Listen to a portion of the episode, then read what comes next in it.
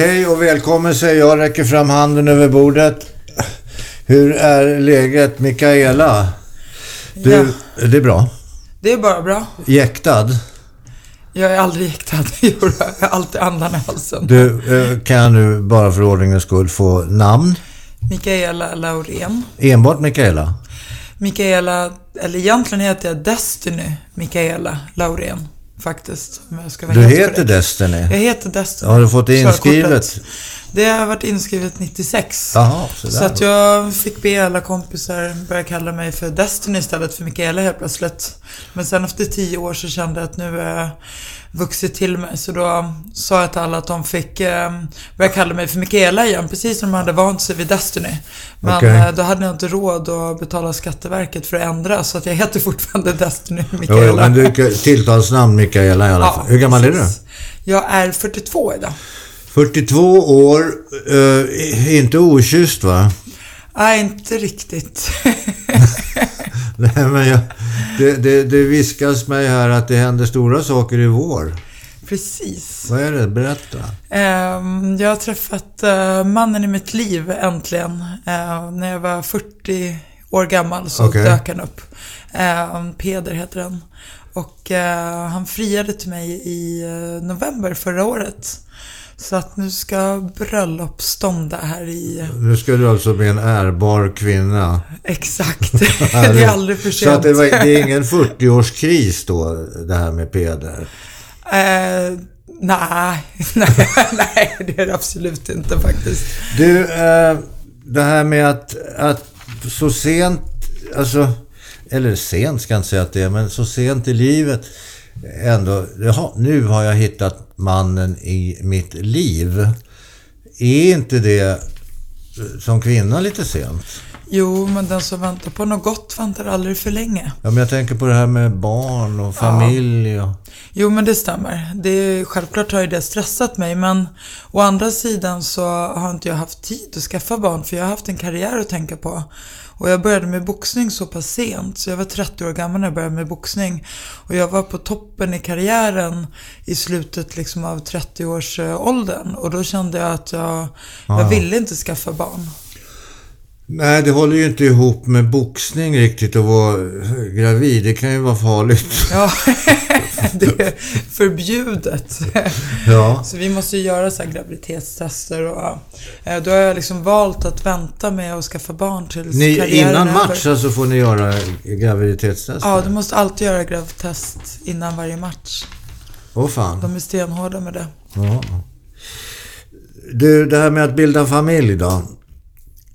Eh, Om du ska då gifta dig i vår här, det får vi ju gratulera till. Tack så mycket. Blir det kyrkan eller blir det... Det blir kyrka. Jag är faktiskt så här lite traditionell utav mig. Jag vill ha kyrkobröllopet och jag vill ha liksom en middag med tre rätters och jag vill ha Jaha. hela familjen där och alla vänner och vad brudtärnor och...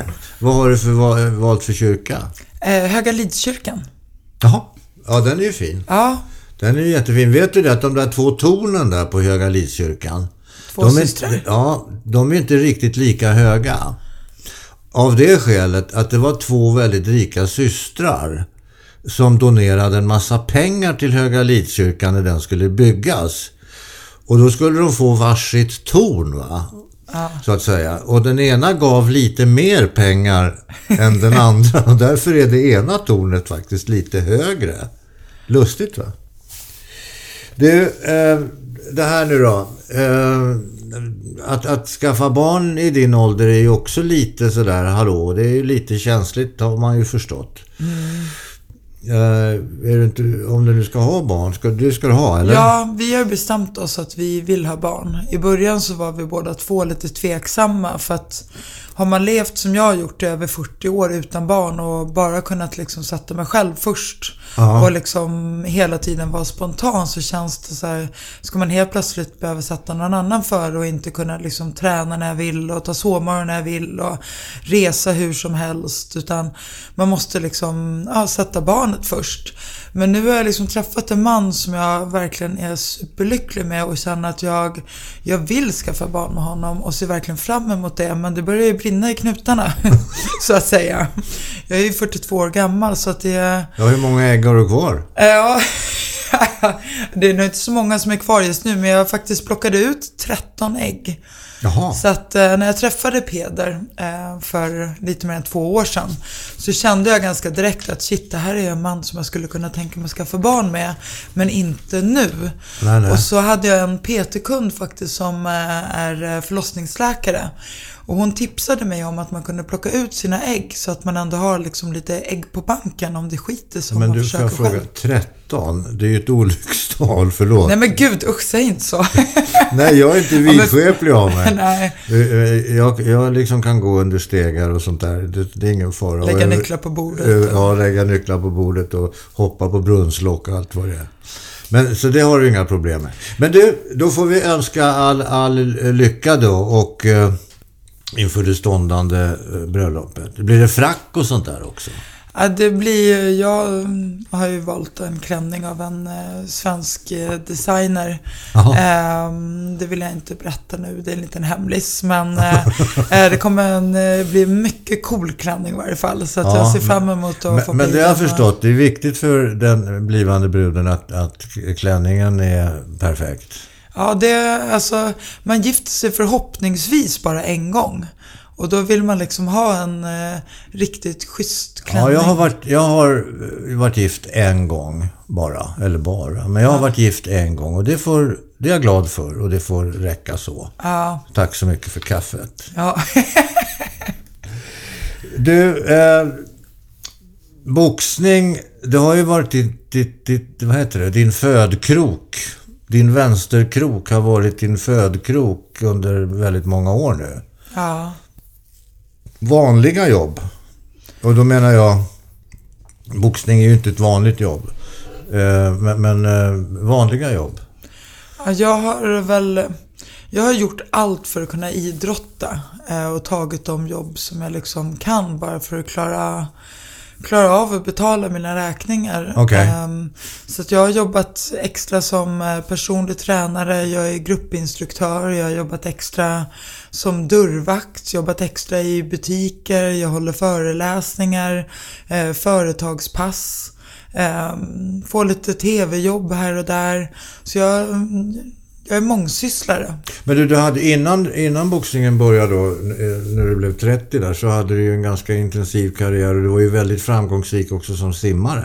Ja, det stämmer. Det, ehm, hur långt kom du där?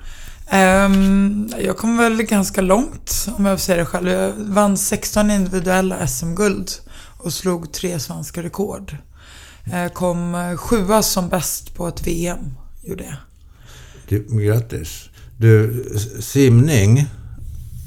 Eh, jag vet ju hur, hur, hur hård träning boxning är. Ja. Men simning, det kan ju inte vara annat än ja, idioter som håller på med. Ursäkta. Eller hur? Nej men allvarligt alltså. dunka kakel, fram och Det är ju inte fan klokt vad simmare tränar. Eh, Man blir stark mentalt utav simning, kan jag säga. Det har verkligen format mig. Alltså, det är simningen som har gjort mig till den jag är idag. För man måste vara en riktig tjurskalle om man ska nå stora framgångar i simning. Jo men alltså det där att gå upp klockan fem på morgonen och så gå till simhallen före frukost. Ja, det var ju det värsta som fanns faktiskt.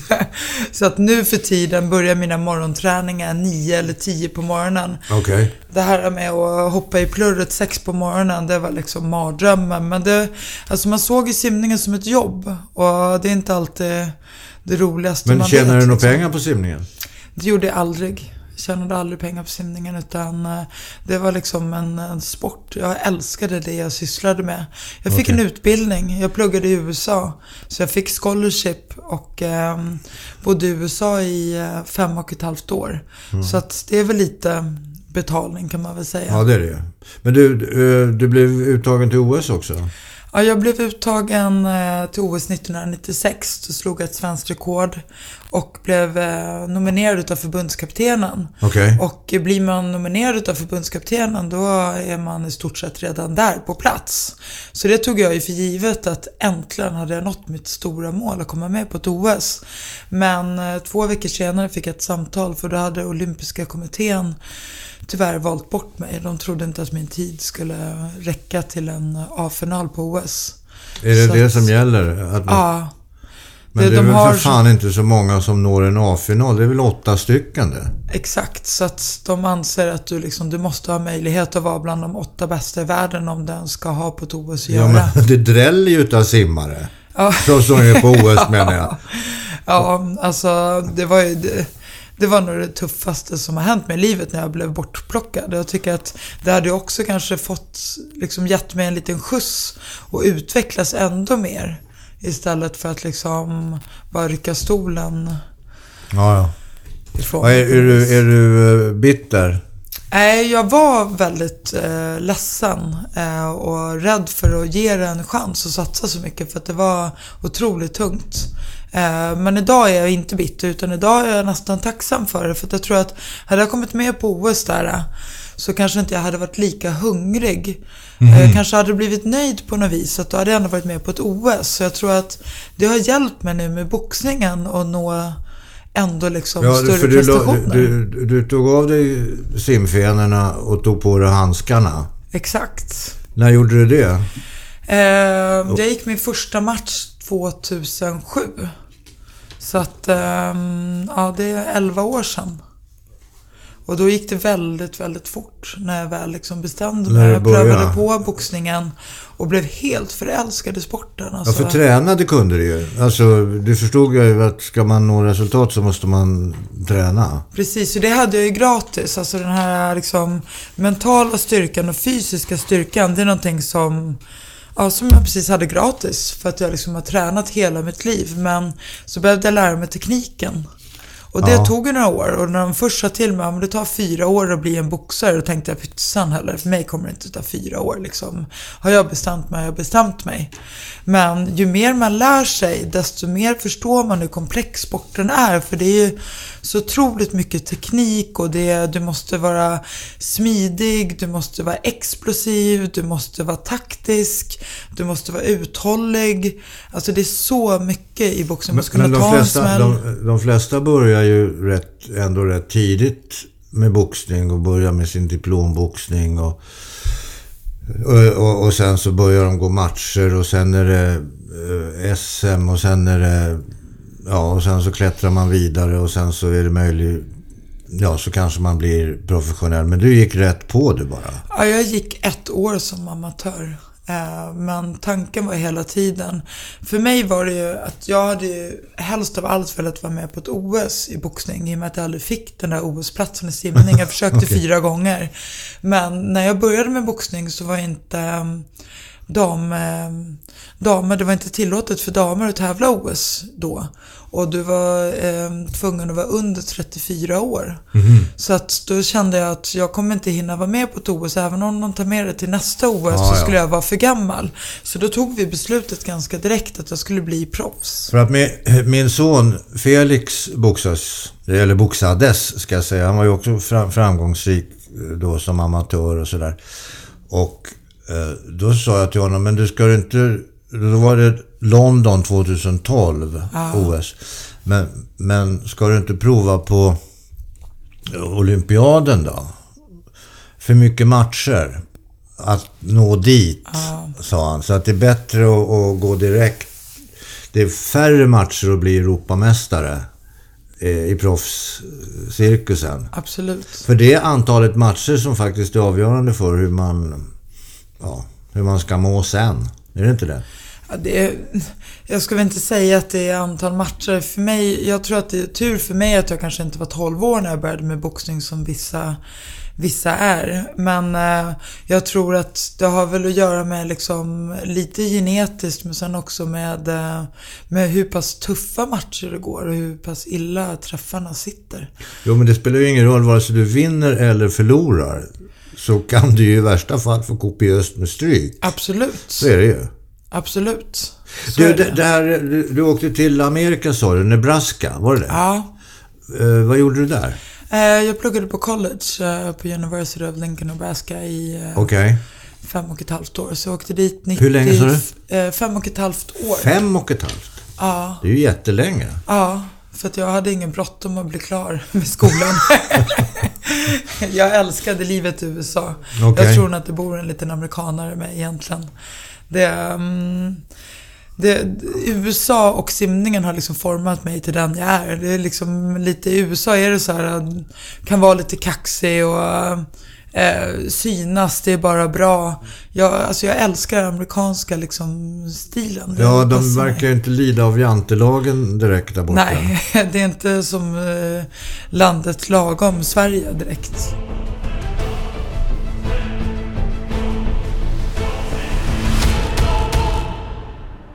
Du, eh, du har ju hunnit med väldigt mycket och gjort väldigt mycket och, och har nu kommit fram till en i princip vändpunkt i ditt liv här. Är det någon mer match på gång? Ja, jag har faktiskt en match till på mitt kontrakt. Eh, och den kommer ske nu i vår. Ehm, jag har inte fått eh, matchkontraktet än, men eh, det kommer som min promotor där jag boxas för Team Saulan. Han säger att jag har en titelfight och jag har fått veta vem motståndaren, den eventuella motståndaren är. Men eh, jag skrev till honom senast igår att jag vill ha kontraktet så att det verkligen liksom Men du, är vänta ett tag här nu. Du ska gå en match till i vår och du ska gifta dig i vår och du ska ha en fin klänning. Men vad fan. Du kan ju, du kan ju se ut som du har sprungit på en buss lagom till bröllopet. Ja, men jag har en månad på mig. Det gäller att inte ta så mycket stryk. jag ska ge stryk The. Noble Art of Self-Defense. Ja, exakt. Ja. Du, eh, men, men om vi säger nu, okej, du ska gå eh, då förhoppningsvis en match till. Du ska gifta dig. Eh, du ska eventuellt då, ska du och din man eh, skaffa barn. Ska du skriva memoarer också? Ja, det... Jag har haft det i tankarna. Jag har varit på gång. Um, än så länge tycker jag att min, min story inte riktigt slut än, men snart är liksom boxningskarriären över. Och Ja, då blir det som simningen är annat- över, boxningen är över, ett nytt liv börjar. Det är dags Ja. att göra avslut på något sätt i alla Ja, fall. jo, men men det har, ju, det. det, det har ju, ska vi säga, det, det har ju innehållit en hel del ups and downs. Ja, absolut. Har det gjort. Och du har ju råkat ut för, har hamnat i klammeri med rättvisan. Ja, Det har du gjort. Eh, Du har fått tillbringa tid bakom eh, vad heter det, galler. japp. Eh, Hur var det? Ehm, nu idag så har jag liksom bearbetat det där färdigt känner jag och det är liksom ett avslutat kapitel. Men det var ju jättetufft just då att bli frihetsberövad. Ehm, jag kände ju liksom som säkert väldigt många andra tycker att jag hör ju inte hemma här. Liksom. Jag, jag är inte som dem på något vis. Ehm, så ska någon liksom komma och bestämma över mig liksom, när jag ska gå och lägga mig och gå upp och vad jag ska göra och jag får inte gå utanför byggnaden. Och det var jättetufft eh, att vara inlåst. Ehm, den värsta tiden var väl egentligen på häktet. Eh, För då satt jag där och jag hade ingen aning om hur länge jag skulle sitta där. Jag satt 70 dagar inlåst i ett litet rum. 70 dagar? 70 dagar. Det, Det var mycket- otroligt, mycket. otroligt jobbigt. Ja, det, Eh, det måste ju vara... För då sitter man ju helt isolerad också. Ja, jag var helt isolerad. Jag hade, Hade du restriktioner också? Fick inte... Nej, jag till- hade restriktioner så att jag Fy satt... fan, det är tufft alltså. Ja. Det är riktigt tufft. Men det tror jag liksom, jag känner nu att jag är alltså, det kan låta konstigt men jag är väldigt liksom glad och tacksam att det hände mig för att det har format mig och det har gjort mig till en starkare människa, till en bättre människa. Både det här med simning, att jag gjorde fyra OS-försök och aldrig kom med till OS och att jag liksom hamnade bakom galler. Det fick mig att ja, men få som en nystart. Och liksom idag är jag otroligt lycklig och känner att jag har nått stora framgångar i, eh, i boxningen och i livet allmänt. Men du, det här, det här med att du har, har, har, har, levt det livet som du har gjort och, och, och det har fått vissa påföljder. Det betyder ju också att, eller gör det det? Jag vet inte. Du är inte välkommen in i Amerika va?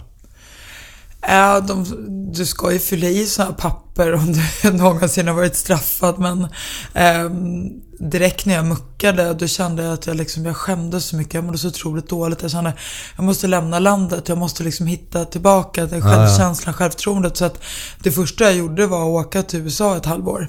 Men då fuskade jag lite och kryssade i så här, have you ever been in jail? No. och det var ju inte så att det var någon så här stor röd lampa som blinkade när jag gick igenom passkontrollen där liksom. Var du nervös? Eh, det var jag. Att du skulle bli stoppad? Ja. Hörde du du? No, no, no. Men jag är lite, alltså jag är lite busig och ibland gör jag saker utan att tänka mig för. Och jag är en människa som vågar ta lite risker. Hellre liksom våga och inte lyckas än att inte ha vågat. Så att jag, ehm, jag menar jag har varit i USA kanske 20 gånger sedan jag blev straffad och peppar peppar ta i trä så har det gått bra ja, Jag ska inte säga något. ja men nu är det väl egentligen preskriberat. Jaha. menar, det har ju gått över 10 år. Okej. Jag blev ju utsläppt 2006 och det är 2018 nu så att eh, det här är 12 år sedan. Ja, ja, okej. Så du har fått syndernas förlåtelse även utav president Trump kanske? Ja. Får hoppas det. Du, det här med Destiny då? Destiny betyder ju öde. Ja. Varför tog du dig det namnet? Eh, Det här var 1996 och eh, det var då jag blev nominerad till OS eh, i simning. Eh, Och eh, så blev jag bortplockad ur truppen och då kände jag att det måste ha med ödet att göra. Det måste ha en liksom, djupare orsak till det här. Och eh, då bestämde jag mig för att byta namn. Eh, Så att jag bytte namn till Destiny. Destiny och sen hade du en kollega i bassängen, Therese Alshammar, Ja, det stämmer. som kallar sig för Diva. Ja, hon skulle byta namn till Divine. Och så var Divine? Ja. Okej. Men Destiny och eh, Divine. så åkte vi till, vi var i USA tillsammans och så tatuerade vi.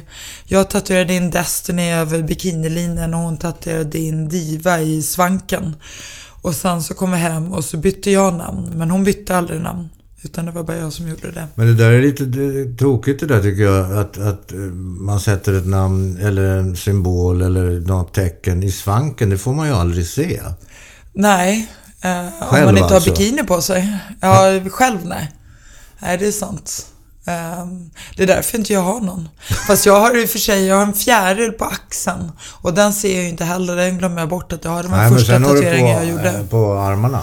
Ja, jag har lite överallt faktiskt. Gör man en så är det svårt att sluta. Exakt. Det, och jag har kommit fram till det att det kostar 1000 kronor att sätta dit och 100 000 kronor att ta bort. Ja. Så det är en dålig affärsidé. Ja, äh, men gör man en tatuering då får man eh, liksom bära, bära den stolt resten av livet.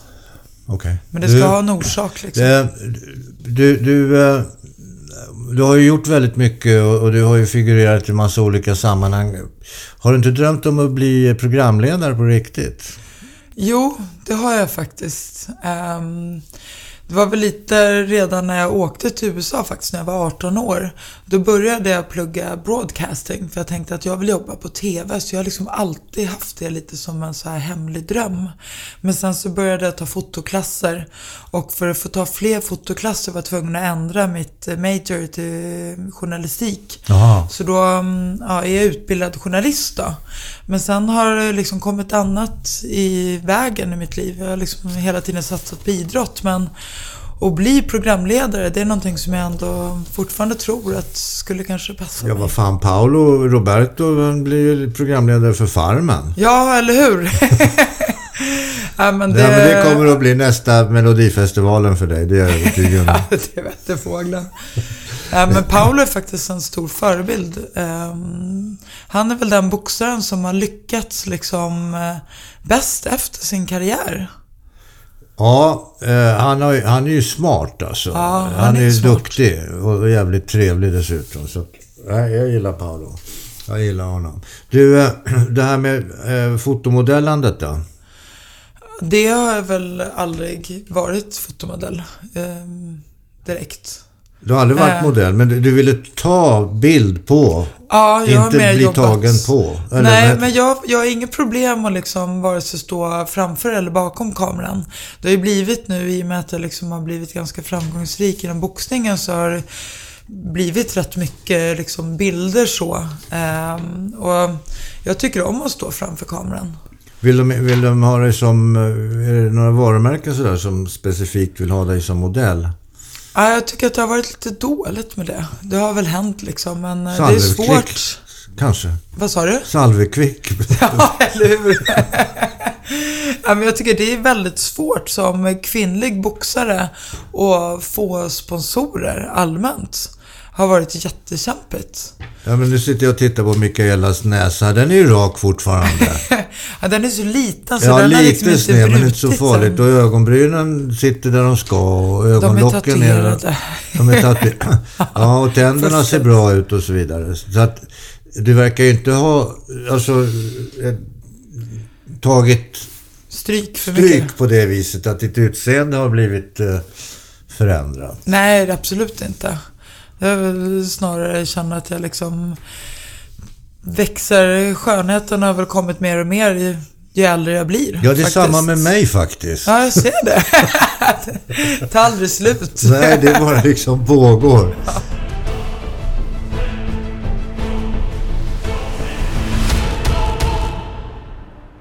Men det här med, med yttre skönhet, det har ju blivit väldigt eh, inne, om jag får uttrycka mig på det viset. Och du själv jobbar ju med i viss mån det. Och då undrar du, hur kan du säga det? Jo, du håller på som personlig tränare och håller på med träning och sånt.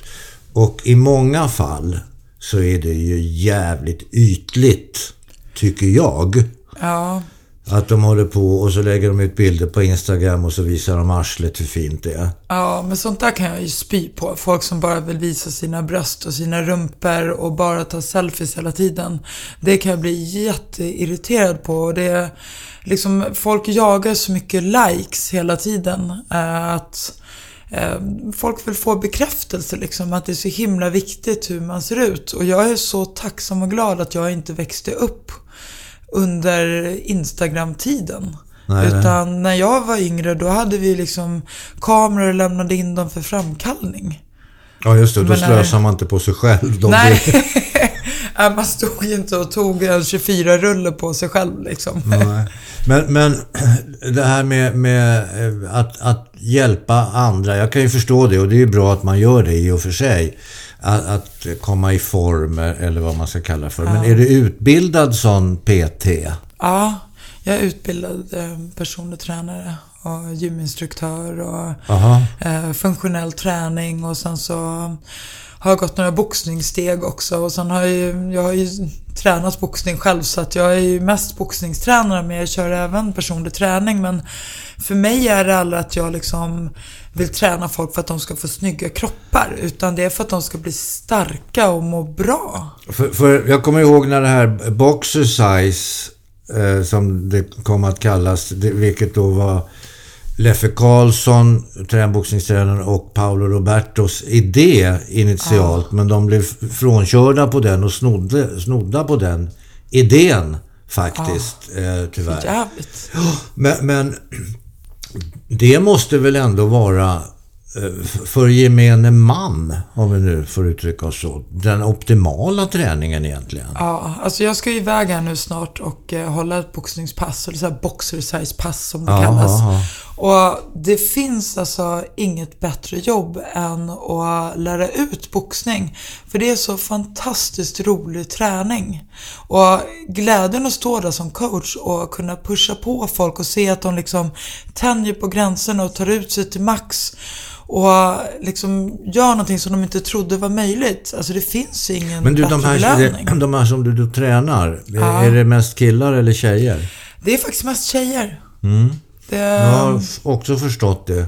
Blir de inte sugna att gå upp sen då? I ringen? Och det är vissa som liksom vill pröva på box, alltså boxning på riktigt. Så att eh, det beror lite på hur klasserna ser ut eh, och vart du håller klasserna. Men ibland så har de ju fått pröva på sparring. Jag brukar jag hoppa in och köra lite Jo, absolut. Men när du går upp i ringen, Ja. då, då fattar du ju kanske inte första gången att det här kommer att göra jävligt ont. Det smäller. Det kommer att göra ont. Ja. Och hur förbereder man sig för, för den smärtan? Alltså det är ju någonting som man eh, antingen som man är gjord för eller inte, tror jag. Eh, alltså, jag menar, vissa kan ju se ut som världsmästare när de står och slår plattor och står och slår på säck. Men sen så fort de går upp i en ring och ska köra mot någon annan och få en smäll, då är det inte lika roligt längre. Så det gäller att man måste, man måste kunna ta en smäll också. Man kan inte bara vara duktig på att ge smällar. Nej, absolut. Men jag menar att om du tar ute på på, på, på gatan eller på jobbet eller, eller, eller vad det nu är. Om, om du då får en snyting då gör det ju så jävla ont så att du är tvungen att lägga dig ner på gatan och grina eller stå och skrika efter polis och militär och allt vad det är, ambulans och allt vad det är. Ja. Men i en ring, jaha, går du ner då är det ju slut. Ja, om du inte ställer upp i över. tia. Då, om du inte går upp. Men, men då är ju ma- matchen faktiskt över. Du har ju ingen jävla stans att ta vägen. Nej, och det är det som är lite häftigt också. Att det liksom i ringen, då har du bara dig själv. Det är liksom, det är du som Ja, i tre minuter och sen, har du ju, sen får du ju snacka med någon. Ja, med coachen där, Med liksom. coachen ett Ja, men sen måste du ut igen där liksom. Men Är då ska vikt- jobbet vara gjort. Ja. Du ska kunna klara det själv. Men du, du håller nu på alltså och förbereder dig i princip för en, en kommande titelmatch. Ja. Och motståndet är inte klart. Men din promotor, som det heter. Men har inte du varit promotor åt dig själv i alla år? Jo, det har jag varit eh, också. För att jag hade ingen, jag var så pass gammal när jag började med boxning så det var liksom ingen som trodde på mig. De tänkte att hon kommer väl sluta snart eller hon kommer inte kunna hinna nå så stora framgångar.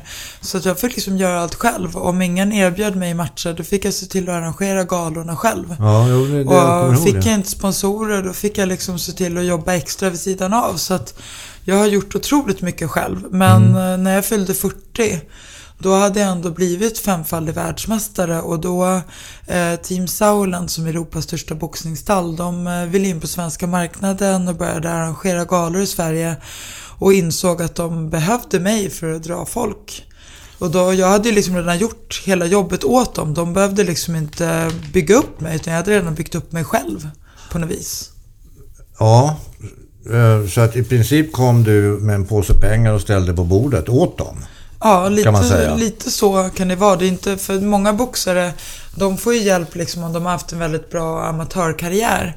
Så signar de en promotor som så hjälper dem att liksom få matcher och bygger upp deras eh, record och karriär. Men jag var tvungen att göra det själv. Så att de fick väldigt mycket gratis kan jag tycka.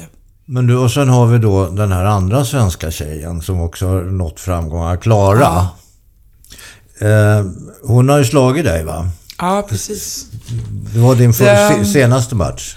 Nej, det var inte min senaste match utan det var ett och ett halvt år sedan nu. Eh, möttes Men vad i fan, Stockholm. ja, ja, jag håller Jag mötte eh, norskan. Eh, Ja, det var men- min senaste ja, match. mm. Och det har ju Klara Eh, också gjort. Ja, precis. Man kan lätt blanda ihop allt det där. Ja, det kan man Men, göra. Och eh, hon är väl lite grann i en klass för sig, va, norskan? Ja, alltså hon är ju alltså, världens bästa boxare. Hon är obesegrad. Hon är femfaldig världsmästare i sin viktklass. Och um, ja, har, um, har aldrig riktigt åkt De säger att hennes framgång beror på att hon boxas som en kille. Hon är väldigt aggressiv. Hon är lite som en kille. Men jag måste säga det. Jag förlorade matchen mot henne nu i eh, oktober förra Mm. året. Men alltså det kunde lika bra varit hon som föll i backen. De första ronderna hade jag och jag har aldrig boxat så bra som jag gjorde. Och det är någonting som jag ändå kommer liksom, även om det var en stor sorg att förlora mot henne för det var min stora chans. Så var det liksom en av mina absolut bästa matcher och hon vet det och jag vet det att det kunde lika bra varit hon som åkte i backen. Ja, men, Så- det, var, ja, men det var ju, och det var ju likadant med Klara. Ja, eller kanske inte riktigt. Klara boxade mer säkert. Hon hoppade mer runt liksom. Och Var hon rädd, boxade, och, tror du? Ja, men hon vågade inte ta chansen. Jag tog chansen och jag gick in och jag styrde. Och jag hade jättemånga rena bra träffar på henne. Klara hade en bra träff på henne som fick henne att vackla. Men det var allt hon hade under en hel match. Så att jag kan säga med handen på hjärtat att jag gjorde en tio gånger bättre match mot Cecilia. Även om utfallet blev att jag förlorade på teknisk knockout. Men det är hon eller jag som ska, ba- Ja, ska i backen teknisk liksom. knockout, det är att domaren bryter va? Precis. Och varför bröt domaren? Ja, men för att eh, Cecilia gjorde en attack på mig och jag föll i backen och jag ställde mig upp och jag ville fortsätta men då ansåg domaren att, eh, att jag inte var redo att fortsätta. Okej. Så Ja, att jag, och det det, det, kan jag, det gjorde jag också. För att jag fick en rejäl jävla snyting, om man ska kalla det det. Så att jag såg ju stjärnor och jag var liksom inte 100%. Så att jag tyckte, man måste lita på att domaren gör rätt beslut. För att eh, man har ändå ett liv efteråt. Det är liksom inte värt det. Men du... Men- ja, nej, förlåt. Det gäller ju att få in den här klockrena och hon fick in den på mig. Mm. Men det hade lika gärna kunnat varit jag. Men du, det här... Eh, tränaren har ju en möjlighet också att avbryta en match. Kasta in handduken. Att slänga in handduken, ja. Ja. Och det, det använder man ju i olika sammanhang. Men det kommer faktiskt ifrån att det är tränaren som för att hjälpa eller avsluta matchen för sin eh, då sönderslagna kompis Ja. slänger in handduken och då är matchen över. Ja. Har du varit med om det? Nej, eh, jag är lite fostrad så. Min eh, första tränare som jag hade, han, eh, han var så här, man ger inte upp liksom. Man ger aldrig upp. Eh, och det är lite, jag vet inte om du säger, en av mina tatueringar så står det resignation är lika med döden. Och det är någonting som min gamla simtränare alltid liksom präntade in i mitt huvud också, från att jag var 13 år gammal. Att man ger inte upp liksom. Det är inte över förrän det är över. It ain't over until the fat lady sings, som det heter. Nej men jag liksom, jag vet inte, jag är, jag är ju halvfinn, jag har det här finska sisut i mig. Jag, jag ger inte upp, då får någon annan liksom stoppa det.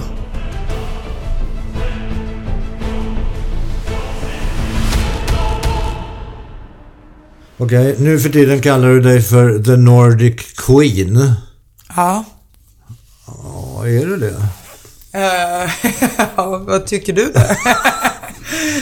Nej, men det är. Det är, alltså, man måste ju, som boxare så måste man ha lite så här klatschigt ringnamn liksom. Ja. Och det var väl lite för att jävlas också med Klara, för hon kallade sig själv för The Swedish Princess. Och eh, Cecilia Bräckhus, norskan, hon kallade sig själv för The First Lady.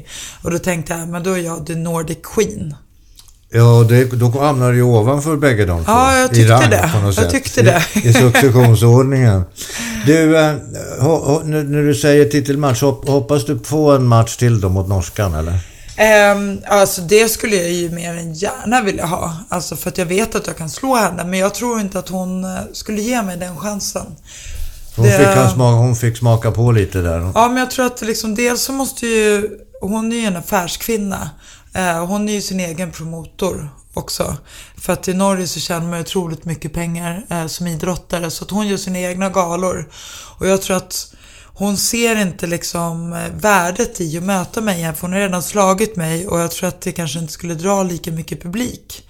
Men sportsligt sett så tror jag att det skulle bli en jävligt bra match. Men du, det är ju så här också, och det vet ju du och det vet ju jag, att det är alltid, jag ska bara gå den här sista matchen. Och det brukar tyvärr ofta vara en match för mycket.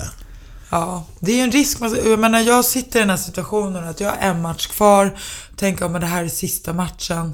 Och jag liksom, nu, nu förlorade jag ju senaste matchen mot Cecilia Bräckhus. Um, men jag känner att det, det skulle vara så otroligt viktigt för mig att få höja armarna och avsluta som en riktig champ på hemmaplan. Så att jag är redo att ta den, den, eh, den chansen. Men skulle jag förlora, då skulle det ju vara, aha, men då kanske jag måste ta en match till. Ja, det där är ju det som Ja. är va. Och jag, jag tänker på vår andra svenska boxare, Erik Skoglund. Ja. Alltså nu var det inte under match utan det var ju under träning eh, som han fick en jävla hjärnskada. Ja, men jag tror att det var, jag var ju faktiskt på hans senaste match ehm, i Manchester när han boxade mot ehm, eh, um, Colum Smith. Och han tog otroligt mycket stryk i den matchen. Alltså han gav stryk också, men han fick otroligt hårda smällar och var nere liksom på knä en gång. Och jag tror att han hade kvar liggande i eh, hjärnan, eh, liksom som ett brock. Och sen gick han hem och så fortsatte han att träna. Och då blev det en hjärnblödning utav det där, för det låg redan där under. Så att jag tycker att i Sverige borde man ändra reglerna. Vi är väldigt hårda med att göra eh, hjärnröntgen innan matcher. Men jag tycker att man ska faktiskt göra det efter matcher också. Jo, men det är ju så faktiskt också att om du har blivit nedslagen så får du ju inte träna på en, åtminstone på en månad. Ja, det är ju egentligen du, om du har blivit förlorat på knockout så är det en månad får du inte tävla på. Men det är ingen jävel som vet vad du gör i träningslokalen. Nej, okej. Då gäller det att du har ansvarsfulla tränare och att du har tillräckligt med vett själv i huvudet och kanske inte ställa dig och börja köra stenhård sparring. För att när du sparras, då kan du ju få hur många smällar som helst mot huvudet, men det är ingen domare där. Och så kan du sparra flera dagar i rad. Ja, ja. Ibland kan du sparra två gånger om dagen. Ja, ja. För det är matchförberedande träning, men det är liksom, det är inte under samma kontrollerade former som det är när du är i Du, en match. har du svårt att få sparring? Ja, jag har jättesvårt att få sparring. Är de rädda eller är de för dåliga? Ehm, Eller får du köpa upp från Europa? Nej, men det finns inte så många bra tjejer i Sverige i min storlek och på den nivån. Det är väldigt få tjejer. Och sen så um, då får man liksom hyra in sparring från andra länder och det är ju kostsamt. Får man stå för då? själv. Ja, jag brukar sparras lite med killar men det blir inte samma sak alltså. För att Killar vill inte slå tjejer heller. Nej, nej, men de kan ju inte gå 100%. För går de 100%, killar är fysiskt starkare, de är snabbare. Då kan det gå illa liksom om inte de kan hålla tillbaka. Och håller de tillbaka för mycket, då blir det inte Ja, ja. heller riktigt bra. Nej, så att det är inte på lika villkor. Jag gillar inte att sparra med killar. Man kan göra det ibland om man tränar in vissa tekniksaker, men ska det gå tuff matchsparring, då vill jag ha en tjej i ungefär Du, min viktklass. hur, många, hur, många, hur många ronder är en, en titelmatch? En titelmatch för damer är 10 gånger 2 minuter. För herrar är det 12 Tolv. gånger 3. 12 gånger 3. Ingmar Johansson, vår gamla världsmästare, han fick fråga vilken rond är den jobbigaste? Han hade bara ett svar, den sista. och så är väl kanske. Du, du är ju du eh, i- igenkänd på gator och torg. Du blir igenkänd på krogen. Du är offentlig person. Eh, kommer folk fram och mucka med dig? Nej, det är ingen som kommer fram och muckar faktiskt. Är, är det På, inga eh, tjejer som vill möta... eh, nej, krafterna. nej, det är mest killar faktiskt som kommer fram på krogen speciellt liksom. Och så här, stöter ska då, vi ta eller? en match? Så här, tror att de är roliga. Okej. Eh, men, ehm, ja, men jag är faktiskt förvånad. Jag får så otroligt mycket fina komplimanger utav folk på gatan och på krogen och på, ehm, på mail och jätte, mm, jättekul faktiskt. Men du, den här killen nu då som du ska gifta dig med. Hur, hur kom han in i bilden? på att säga? Eh, det Hur var- träffade du honom? det var på krogen och det, han kom fram eh, och men gav en eh, komplimang. Jaha. Faktiskt. Han skulle inte Eh, testa dina magmuskler och slå... Nej, nej men han, han har sagt att vi skrattar lite åt det nu för tiden. Men när han kom fram till mig då trodde han att han var så här skön och liksom snäll. Att han vågade gå fram till mig och Okej. ville liksom vara snäll. Han, han har lovat sig själv att han ska aldrig hålla inne på komplimanger. Mhm. Så att eh, han hade liksom eh, beundrat mig lite från håll och tyckte att jag var en fantastisk idrottskvinna. Så hade han sett en tv-serie om mig som gick på tv då som hette Den dömda världsmästaren. Så då ville han liksom komma fram och berätta för mig hur, hur duktig han tyckte att jag var. Så um, det var så det började. Så vi var på East och kom fram och liksom, ja. Och så bytte ni telefonnummer. Ja, det gick nog snabbare än så. Jaha, det blev till och med kroppsvätskor innan telefonnummer. Aj, aj du. Jag tackar jag. Jag hittade rätt på en gång vet du. Kärlek mig första ö- ögonkastet som det heter. Ja, nej men Det- vi var oskiljaktiga på en Är gång. det någonting så här som, eh, när du blickar tillbaka, är det någonting du ångrar? Ehm, nej. Det är faktiskt inte. Alltså, jag känner att allt som jag gjort, liksom, det har format mig till den jag är idag. Och hellre har gjort massa misstag och massa fel. Får man lära sig av det och liksom göra om och göra rätt istället. Du är 42 år. Ja. Du har tre ganska häftiga, betydelsefulla grejer framför dig i ganska snar framtid. Din sista match, och nu lovar du mig att det blir din sista match. Nej. Ja. var- Din sista match, och jag har varit på dig om det här förut. Ja. Det är din sista match den här som kommer. Sen ska du gifta dig Ja. och sen ska ni ha barn. Ja. Det är alltså, målet och wow, tanken. vilken, vilken eh, framtid. Det är, få den här jävla matchen sopad under mattan först. Men sen Ja. jävlar, sen börjar ju ett nytt liv. Ja, det blir ett nytt liv, nytt kapitel. Jag vet att min mamma och min svärmor här, måste du gå den här sista matchen? Och det är jättemånga som är på mig att jag ska skita i den. Men det är otroligt viktigt för mig att, att få, få gå den här sista matchen och sen gifta mig och Jo, sen... men då ska du ju gå den sista Ja. matchen. Annars kommer Ja. du bara sitta och sura Ja, resten av ditt liv. Precis. Och det är faktiskt, alltså nu på träningen, alltså det känns ju, alltså det är så roligt och det känns så bra så det ska bli riktigt kul faktiskt kliva in i ringen och se om jag kan liksom avsluta på topp.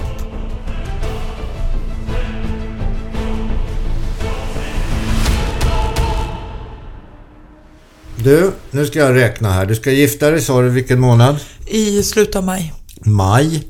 En månad, då är det slutet på april. Nu måste ju du börja hårdträna. Jag har redan börjat. Jag kör stenhårt just nu. Eh, så jag har kört Ja, boxning bara idag, men jag ska köra styrka också. Jag har börjat Kondition. med ny eh, konditionsträning. Jag har faktiskt, jag ska till en eh, eh, fotspecialist på torsdag. Jag tror att jag har fått hälsporre. Ah. Eh, jag har jätteont i foten och jag har gått runt med det sedan jag var med i Let's Dance för ja, nästan ett år sedan började För jag tror jag överansträngde. Och så har jag bara kört på och kört på och hoppas att det ska släppa. Men det, Det gör, gör, inte det. det. gör inte det. Nej, så att nu ska jag ehm, ja, gå och kolla upp det här ordentligt. Så att löpträningen har jag tyvärr inte kunnat köra så mycket med. Men jag har kört stenhård boxning och kört mycket så här rodd och vet, så här skidmaskin på gymmet. Och har börjat med ny styrketränare. Så att det ska bli så intressant. Nu kör jag styrka, alltså så här stenhård styrka tre gånger i veckan. Med Reda Khalil. Och det ska bli så spännande att se resultatet. Alltså, är det någonting som är konditionskrävande så är det boxning. Ja. Det är ungefär som att ställa upp i ett 10 000 meters lopp, springa så fort du kan, springa in i väggen, resa dig upp, springa en bit till, springa in i väggen, resa dig upp, springa en bit till. Alltså, det är nog så fruktansvärt konditionsträvande. Det är ju intervallträning hela tiden. Så att egentligen behöver du inte träna så mycket kondition utanför boxningsträning. För du får ju det alltså mer än nog under boxningen. Det är Jo, mer långlöpning och liksom få den här grund liksom, träningen och mycket för tankarna och bara känslan med löpningen. Det kan jag sakna. Och hoppas att jag kan få in i varje fall några löppass. Mer men för att rensa hjärnan. Ja men det är så jävla tråkigt. Måste vara Ja, jag kul vet. också. Ja, du får åka motorcykel istället. Ja, eller hur? Du, sen så når du då fram till så småningom här eh, så ska du eh, du ska väga in dig så att du kommer i bröllopsklänningen. Men du ska också väga in dig till den här matchen. Eh, Och det där är ju ganska på ki- kilot viktigt. ja.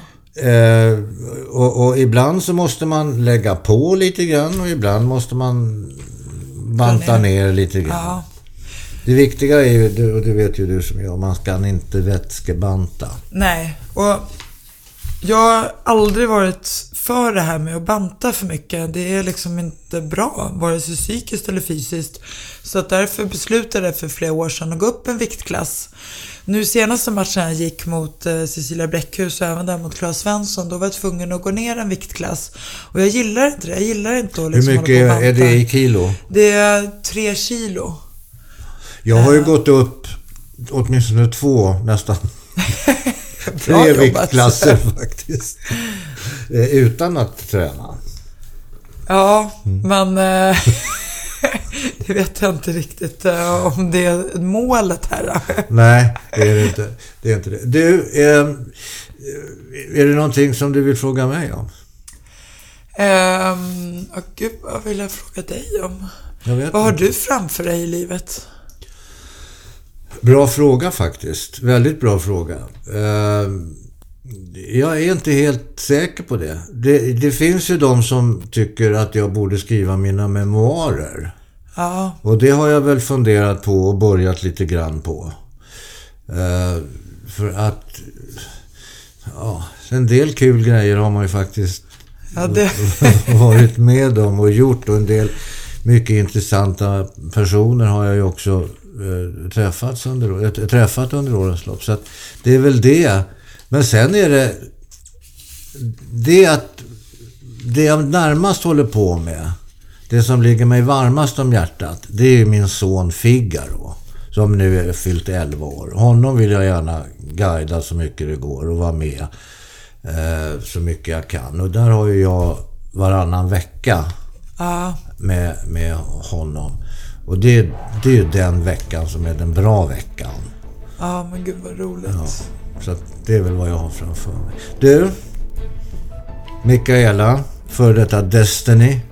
Ja, Eh, tack så hemskt mycket för att du tog dig tid att komma förbi. Lycka till med alla tre grejerna. tack så mycket. Och- Ett spännande år. Jag eh, kommer att vara på match, titta på matchen. Eh, jag kommer, jag får ju se om jag blir bjuden på bröllopet. Det vet vi ju inte än. Och, eh, beror på hur du klipper ihop det här. och, och sen eh, så kommer jag upp med en blomma på BB vad det lider. Ja, det ser jag mycket fram emot. Tack snälla. Tack så mycket. Kul att vara här.